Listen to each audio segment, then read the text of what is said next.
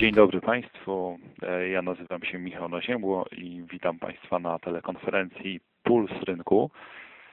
E, Dziś porozmawiamy o stopniowym odmrażaniu e, polskiej gospodarki, światowej gospodarki i naszych prognozach na najbliższe miesiące.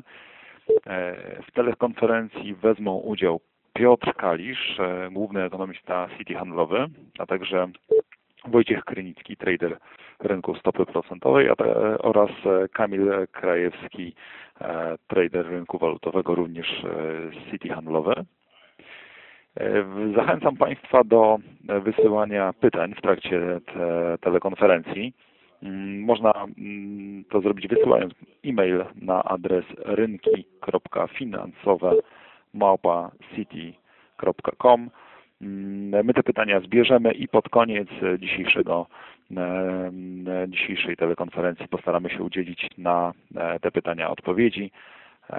Więc z mojej strony to tyle i przekazuję głos Piotrowi Kaliszowi. Dzień dobry, witam wszystkich. Ponieważ ostatnia konferencja, którą organizowaliśmy, miała miejsce w kwietniu, to postaram się mówić głównie o, o tych sprawach, które zmieniły się od tego czasu, tak żeby nie, nie powtarzać się. E, No niewątpliwie główny temat y, dyskusji na rynkach w tym momencie to jest y, otwieranie się gospodarki. E, Dzieje się tak dlatego, że po pierwsze gospodarki były, nazwijmy to, zamknięte przez już praktycznie półtora miesiąca. Po drugie, część krajów odmraża e, swoje gospodarki i wnosi restrykcje e, stopniowo i, w niektórych przypadkach te kraje są bardzo zaawansowane. E, Więc w naturalny sposób ten temat pojawia się również w Polsce.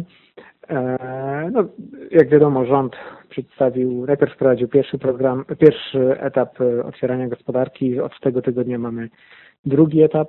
Ogólnie ten proces można powiedzieć, że e, e, przebiega zarówno wolniej, jak i szybciej niż oczekiwano. To znaczy od tego tygodnia ruszyły galerie handlowe. E, To jest ten element, który następuje trochę szybciej. Został on przyspieszony przynajmniej o tydzień, może nawet o dwa w stosunku do wcześniejszych planów.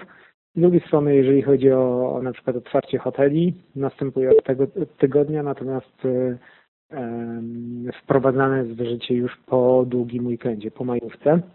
To w praktyce oznacza, że duża część maja, e, jeżeli, tak z punktu widzenia biznesowego jest dla, e, dla tej branży stracona. No i jeżeli chodzi o otwieranie szkół, które e, naszym zdaniem jest jednym z bardzo istotnych czynników wpływających na koszty gospodarcze, no to one zostały kilkakrotnie prze, przełożone i o ile jeszcze na początku, może w taki sposób nierealistyczny, ale jednak planowano, że szkoły zostaną otwarte e, po świętach wielkanocnych, no to teraz mówimy o terminie e, z końca maja, e, z ryzykiem, że tak naprawdę szkoły zostaną, pozostaną zamknięte e, nawet do końca roku szkolnego. Więc ogólnie rzecz biorąc ten proces jest bardzo powolny. Natomiast na razie można powiedzieć na podstawie tych danych, które widzimy, które zostały opublikowane w ciągu ostatnich tygodni, że prawdopodobnie kwiecień był tym najgorszym punktem e, obecnej recesji. To znaczy aktywność w kwietniu była najsłabsza. Było to związane właśnie z tymi wszystkimi obostrzeniami, które wciąż pozostawały w mocy, a, e, dodatkowo również było to związane z czynnikami takimi kalendarzowymi, sezonowymi. Wielkanoc przypadała akurat na kwiecień. E, Więc e, pod tym względem maj będzie lepszy, zauważalnie lepszy. Zresztą widać to już e, w niektórych danych takich cząstkowych.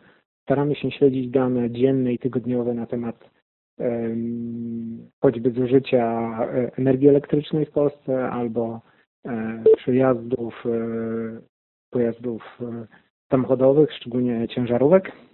I tu widać pewne odbicie w przypadku ciężarówek w stosunku do, do poprzednich tygodni, ale wciąż ta tak mierzona aktywność gospodarcza, mierzona właśnie przejazdami ciężarówek, jest to dobre kilkanaście procent niższa niż rok temu. Więc mamy do czynienia z, z poprawą. Ona będzie kontynuowana w maju, ale trzeba sobie zdawać sprawę, że ona nam się rzuca w oczy, dlatego że e, ten dołek w kwietniu był tak niski. Natomiast z punktu widzenia biznesowego, że gospodarka będzie działać e, no, może nie na pół glistka, ale powiedzmy na trzy czwarte glistka w maju. Więc e, drugi kwartał mm, jest e, pod względem PKB, nazwijmy to stracony. Znaczy spodziewamy się spadku PKB około 10% w drugim kwartale. Mm, Wynik może być nawet trochę gorszy. Wszystko będzie zależało od tego, jak w kolejnych tygodniach to otwieranie będzie postępować, ale, ale wiadomo, że to będzie słaby wynik. Wszyscy już myślą o kolejnych kwartałach, no bo to chyba ma dużo większe znaczenie teraz. Eee, I trzeci kwartał, eee, zakładając, że te obostrzenia będą ściągane, będzie już wyraźnie lepszy. Czyli będziemy mieli do, do czynienia w pewnym sensie z takim odbiciem w kształcie litery V. Najpierw dołek, a potem bardzo wyraźny wzrost. Natomiast e, ogólnie e, wydaje, wydaje mi się, że porównywanie tego odbicia do jakichś konkretnych liter nie ma zbyt wielkiego sensu, bo wszystko zależy od tego, na jakie dane spojrzymy. Jeżeli spoj- spojrzymy na dane kwartalne dotyczące zmian PKB kwartał do kwartału, to faktycznie mamy do czynienia z takim bardzo wyraźnym odbiciem w kształcie V. Natomiast jeżeli spojrzymy na poziom PKB, czyli dochodu nominalnie liczonego, to, to będzie bardziej przypominało literę L do poziomów sprzed kryzysu. Prawdopodobnie gospodarka powróci no, na początku 2022 roku, może trochę wcześniej, ale to mówimy wciąż o, o powiedzmy półtora roku, przynajmniej półtora roku bardzo słabej aktywności gospodarczej. E, I oczywiście pojawiają się pytania dotyczące ewentualnych kolejnych fal e, pandemii czy epidemii. Tutaj jasnych odpowiedzi nie ma i, i raczej być nie może, no bo to element losowy ma bardzo duże znaczenie w tym przypadku. Natomiast my w naszych prognozach zakładamy, jak bym powiedział, dosyć taki optymistyczny scenariusz.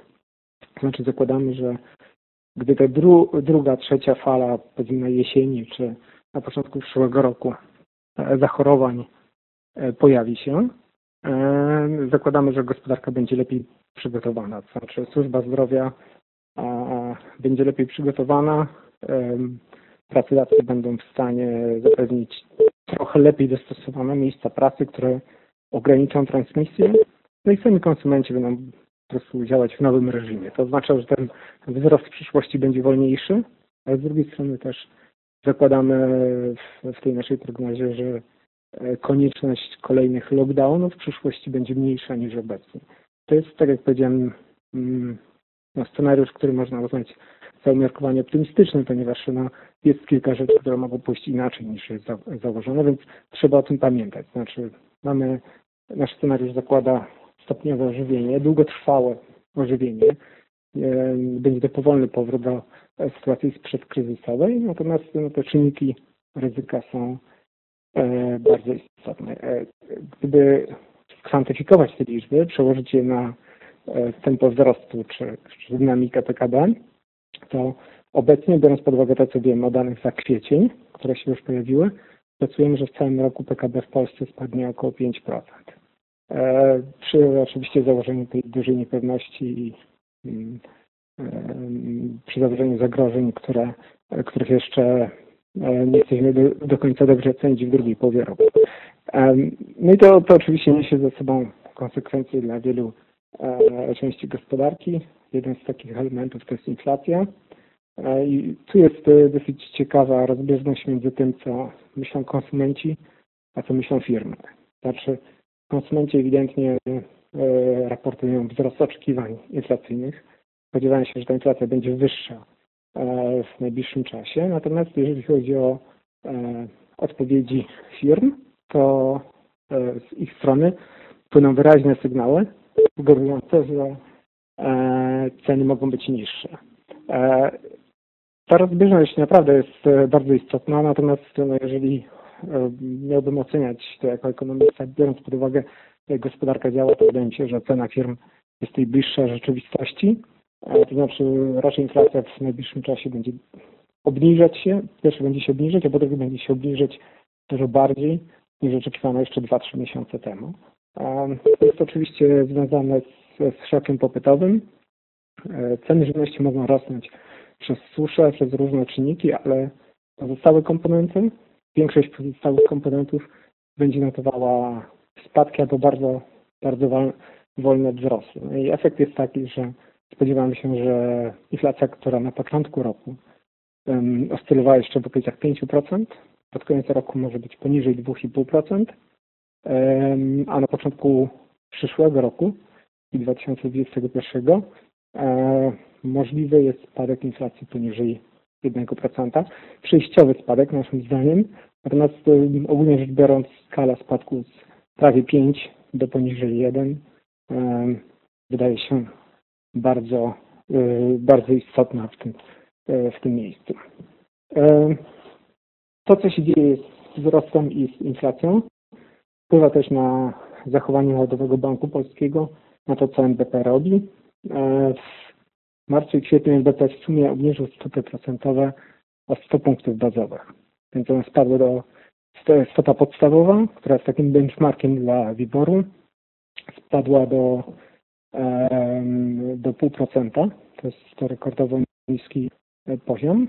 E, jednocześnie, i co jest może bardziej istotne, Narodowy Bank Polski kontynuuje i to w szybkim tempie zakupy, proces zakupów aktywów.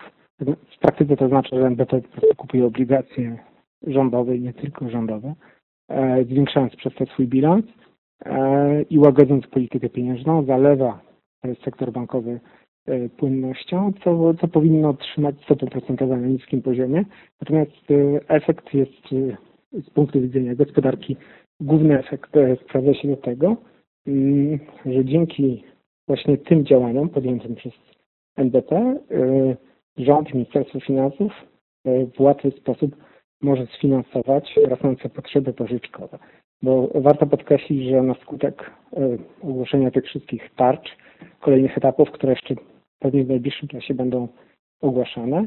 E, deficyt sektora finansów publicznych może w, w tym roku sięgnąć około 9% PKB.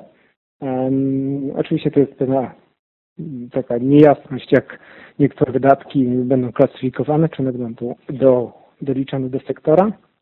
Natomiast z punktu widzenia tak, takiego ogólnego cenu e, sytuacji gospodarczej nie zmienia to faktu, bo w zeszłym roku jeśli był poniżej 1%, w tym roku będzie to 8, 9, może 10% i y, skala poluzowania fiskalnego jest y, w przypadku Polski bardzo duża. Jest to jeden z powodów, czemu recesja w Polsce nie jest głębsza. Warto podkreślić, że w, na przykład w, we Francji w pierwszym kwartale spadek PKB już jest 6%. Nie znam jeszcze danych za drugi kwartał oczywiście, no ale to są wyniki dużo słabsze niż te, których E, spodziewamy się w Polsce. Jeden z e, powodów, czemu e, polski wzrost gospodarczy według prognoz ma być trochę wyższy, czy skala spadku ma być płytsza niż we Francji czy w Europie Zachodniej, związana właśnie z odpowiedzią polityki fiskalnej. Więc podsumowując, gospodarka mm, na pewno przeszła już ten, no, z dużym prawdopodobieństwem przeszła ten dołek E, który nastąpił w kwietniu. Natomiast e, wychodzenie z tego dołka będzie bardzo, bardzo długotrwałe. E, my ogólnie staramy się przestrzegać przed liczeniem na to, że, że PKB szybko powróci do poziomu sprzed kryzysu. Może być tak, że wzrost w przyszłym roku będzie już bardzo wyraźny, około nawet 4%. Natomiast powrót do poziomu sprzed kryzysu nastąpi, nastąpi później. Jeżeli chodzi o inflację, tak jak mówiłem przed chwilą, E, spodziewamy się raczej spadku i spodziewamy się, że działania zarówno polityki pieniężnej, jak i fiskalnej będą nakierowane na wsparcie gospodarki. Co ciekawe, w przyszłym roku będziemy, jeżeli sytuacja się ustabilizuje, będziemy prawdopodobnie wchodzili w etap dyskusji na temat zacieśnienia fiskalnego. Jest to wciąż bardzo odległy temat, natomiast y, może się okazać, że w przyszłym roku powróci temat podnoszenia podatków. Nie jest to temat dyskusji w tym roku, ale, ale warto o tym pamiętać. E, w tym momencie może zatrzymam się, skończę część makroekonomiczną i e, pozwolę sobie przekazać głos e, Kamilowi Krajewskiemu, który będzie w stanie powiedzieć coś więcej na temat rynku walutowego. E, witam serdecznie. Kamil Krajewski z tej strony. Ja zajmuję się e, operacjami walutowymi na rynku międzybankowym. Jeżeli chodzi o, o, o ostatni okres na złotym, prezentuje się on nad wyraz spokojnie. Złoty ustabilizował się w stosunkowo wąskim kanale. Nie widać tutaj specjalnie presji ani w jedną, ani w drugą stronę. Trochę gorsze dane, czy też no, można powiedzieć, znacznie gorsze dane e, makroekonomiczne z, z ostatniego miesiąca e, uniemożliwiły naszej e, walucie uczestnictwo w tym, w tym takim wszechobecnym rally, czyli umocnieniu się walut emerging market. To jest, to jest jak gdyby pierwsza rzecz. Druga to, to niska stopa procentowa.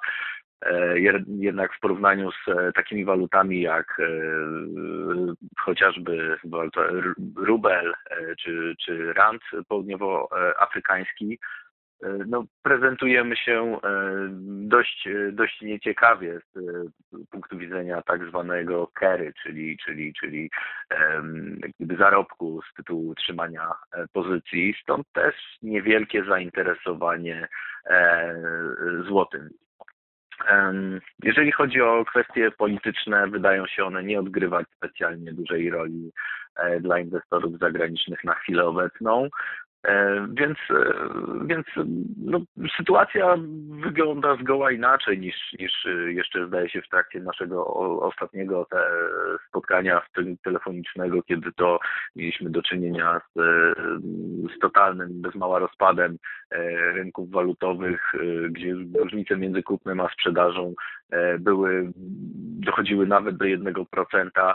W tej chwili działamy już bez mała tak jak na e, poziomach przedkryzysowych, natomiast oczywiście płynność e, jest e, znacznie mniejsza, czyli ta gdyby zainteresowanie i liczba zawieranych transakcji jest znacznie niższa niż poziomy przedkryzysowe, no ale to jest, to jest po prostu rzeczywiste nawiązanie do tego, co obserwujemy na co dzień, czego na pewno Państwo do, doświadczacie również e, w swoich, e, w swoich biznesach. E, jednak no, świat stanął, gospodarka stanęła, stąd też, stąd też w dużej mierze niewiele, niewiele się dzieje. Oczywiście ta stabilizacja nie przyszła sama z siebie, było to skutkiem bezprecedensowego pakietu stymulacyjnego e, w zasadzie większości e, zarówno to jak tych najważniejszych banków centralnych, ale też e, wielu lokalnych banków centralnych, bo, bo w naszym regionie Czesi, Węgrzy, nawet, nawet Turcja, Południowa Afryka, w zasadzie wszyscy dołączyli do tego grona stymulowania rodzimych gospodarek. No ale póki, podejrzewam, to póki E, ten świat realny nie ruszy do przodu, tak, i póki faktycznie nie zobaczymy jakiegoś odbicia, e, no to będzie, będzie w dużej mierze e, taki efekt wirtualny i będzie dotyczył bardziej tych aktywów, aktywów finansowych. Co do, co do, co do złotego, wydaje mi się, że, że możemy cały czas być pod, pod pewną presją z, tytułu e, rzeczy, o których mówiłem, to znaczy niska stopa, gorsze dane, e, ograniczona aktywność gospodarcza, to na chwilę obecną nie wpływa na, na, na, na mm, umocnienie rodzimej waluty. Widać wręcz e, jakieś takie pomysły inwestycyjne, żeby sprzedawać złotego, a kupować waluty, które były znacznie bardziej przecenione, na przykład forinta węgierskiego chociażby z tytułu, że, że tam te dane e, nie zaskakują aż tak negatywnie jak, e, jak u nas. E, więc, więc sytuacja, tak jak mówię, jest stabilna. W zasadzie nie ma, nie ma o czym mówić w tej chwili, bo nie dzieje się już zupełnie nic, nic ekscytującego. No, wróciliśmy do takiej pseudonormalności. Wszyscy z, z, z, trzymamy kciuki za jak najszybciejsze otwarcie gospodarki. No i za, za, za mm, poznanie prawdziwego stanu, z jakim przyjdzie, przyjdzie nam wszystkim się e, zmierzyć. E, co do szeroko pojętego rynku walutowego, e, no w, w, zasadzie, w zasadzie chyba też nie ma specjalnego pomysłu, gdzie mają iść poszczególne waluty. Euro, euro również trzyma się pewnego, pewnego kanału, porusza się między poziomami 1,07, 1,10 w odpowiedzi na chociażby to tweety prezydenta Trumpa, czy potencjalne oczekiwanie co do, co do otwarcia amerykańskiej gospodarki, więc, więc no, na chwilę obecną wydaje się, że dolar może się umacniać, więc Dolar złoty powyżej 4,20 na chwilę obecną też nie jest jakimś tam super pozytywnym sygnałem dla złotego, więc sądzę, że w najbliższym czasie, e, tak jak mówię, no raczej powrót w kierunku 4,40 może być niepewny. Wydaje mi się, że bardziej prawdopodobny jest jednak e, jednak fakt, że, że będziemy, będziemy zmierzali e, w kierunku 4,60, czyli pewnie w praktyce zobaczymy te maksymalne poziomy z, z, z ostatniego tygodnia, po czym znowu jakiś, jakiś powrót. No, raczej, raczej e, wydaje się, że w krótkim e, tenorze czasowym e, inwestorzy nie specjalnie mm, patrzą na, na, na nasz rynek, na naszą walutę, ale to tak jak mówię, to jest tylko i wyłącznie perspektywa E, rynku walutowego. E, może, może to, to, to też jak gdyby moje stanowisko jest wypaczone ze względu na to, że, że lokalna gospodarka stoi i, i naprawdę na chwilę obecną no nie widać, nie widać e, czyli, czyli nie wiemy gdzie, gdzie jesteśmy i nie wiemy tak naprawdę co nas, co nas w najbliższym czasie czeka. Więc podsumowując, w stosunku do tego, co, co widzieliśmy ostatnio, potężna normalizacja, E, jednak pakiety e, zarówno rządów, jak i banków centralnych w dużej e, mierze, w dużej mierze pomagają na ustabilizowaniu zarówno zmienności, jak i, jak i cen. Giełdy trzymają się całkiem nieźle. Spready na rynku międzybankowym znacząco się zawęziły, to już są bez mała poziomy przedkryzysowe. Natomiast tak jak mówię, płynność pozostaje słabsza, więc musimy również e, być e, świadomi tego, że, że większy nominał e, może z dużo większą łatwością wpłynąć na cenę niż było to kiedyś. Więc myślę, że tutaj trzeba, trzeba przygotować się może nie tyle na jakiś wyraźny trend, co bardziej na takie szarpane ruchy, kilka groszy w jedną stronę, kilka groszy w drugą stronę w krótkim okresie, co może E, takim stricte odwzorowaniem e, jakichś większych e, przepływów kapitału. Ja nie będę zabierał Państwu więcej, więcej czasu i zapędzał się tutaj w, swojej, w swoim wywodzie. Przekażę, przekażę teraz głos Wojciechowi Klinik. Dzień dobry, Wojciech Krynicki. Ja zajmuję się rynkiem obligacji oraz stopy procentowej. E, I to, co, to, co chciałem w tej chwili podkreślić, e, to e, oczekiwania na mm, potencjalnie jeszcze, czy wycenianie, oczekiwania na, na potencjalnie jeszcze 25 punktów od obniżki przez bank centralny, co wiąże się z tym, że kontrakty na mm, stopę procentową są właściwie we wszystkich zapadalnościach do 10 lat nieco poniżej 1%. E, to pozwala też zabezpieczać y, jakieś tam należności czy płatności odsetkowe e, właśnie też na poziomie powiedzmy poniżej 0, poniżej 0,7% e, do, do 5 lat i, i poniżej 1% do 10 lat. Mm, wydaje nam się, wydaje mi się, że mm, y, bank centralny na razie y, podjął takie działania, jeśli chodzi o, y, o, o redukcję poziomu stóp procentowych, które e, w jego opinii są jakoś tam wystarczające. Mieliśmy nieśmiałe wypowiedzi mm, kilku członków Rady mówiące o podwyżkach konieczności podwyżek stóp procentowych w niedługim czasie, ponieważ no, dalej stopy realne są bardzo niskie. Mm, jeszcze przypomnę, że na początku roku wszyscy, wszyscy pytali członków Rady, dlaczego będą ponosić stop, stóp ze względu na inflację, która była na poziomie 3% i rosła. No obecnie ta inflacja jest też na wysokim poziomie, natomiast wszyscy oczekują jej spadku. skup aktywów, który był przeprowadzony przez, przez bank centralny, pozwolił w zdecydowanej mierze też wpłynąć na to, że te poziomy stóp długoterminowych są niższe, pozwolił też ustabilizować rynek obligacji. Na ten moment bank centralny skupił ponad 60 miliardów obligacji, z czego 50 miliardów to było to były obligacje, które praktycznie bezpośrednio stanowiły finansowanie deficytu oraz, oraz to były obligacje, które były emitowane przez fundusze, które mają przeciwdziałać skutkom wirusa.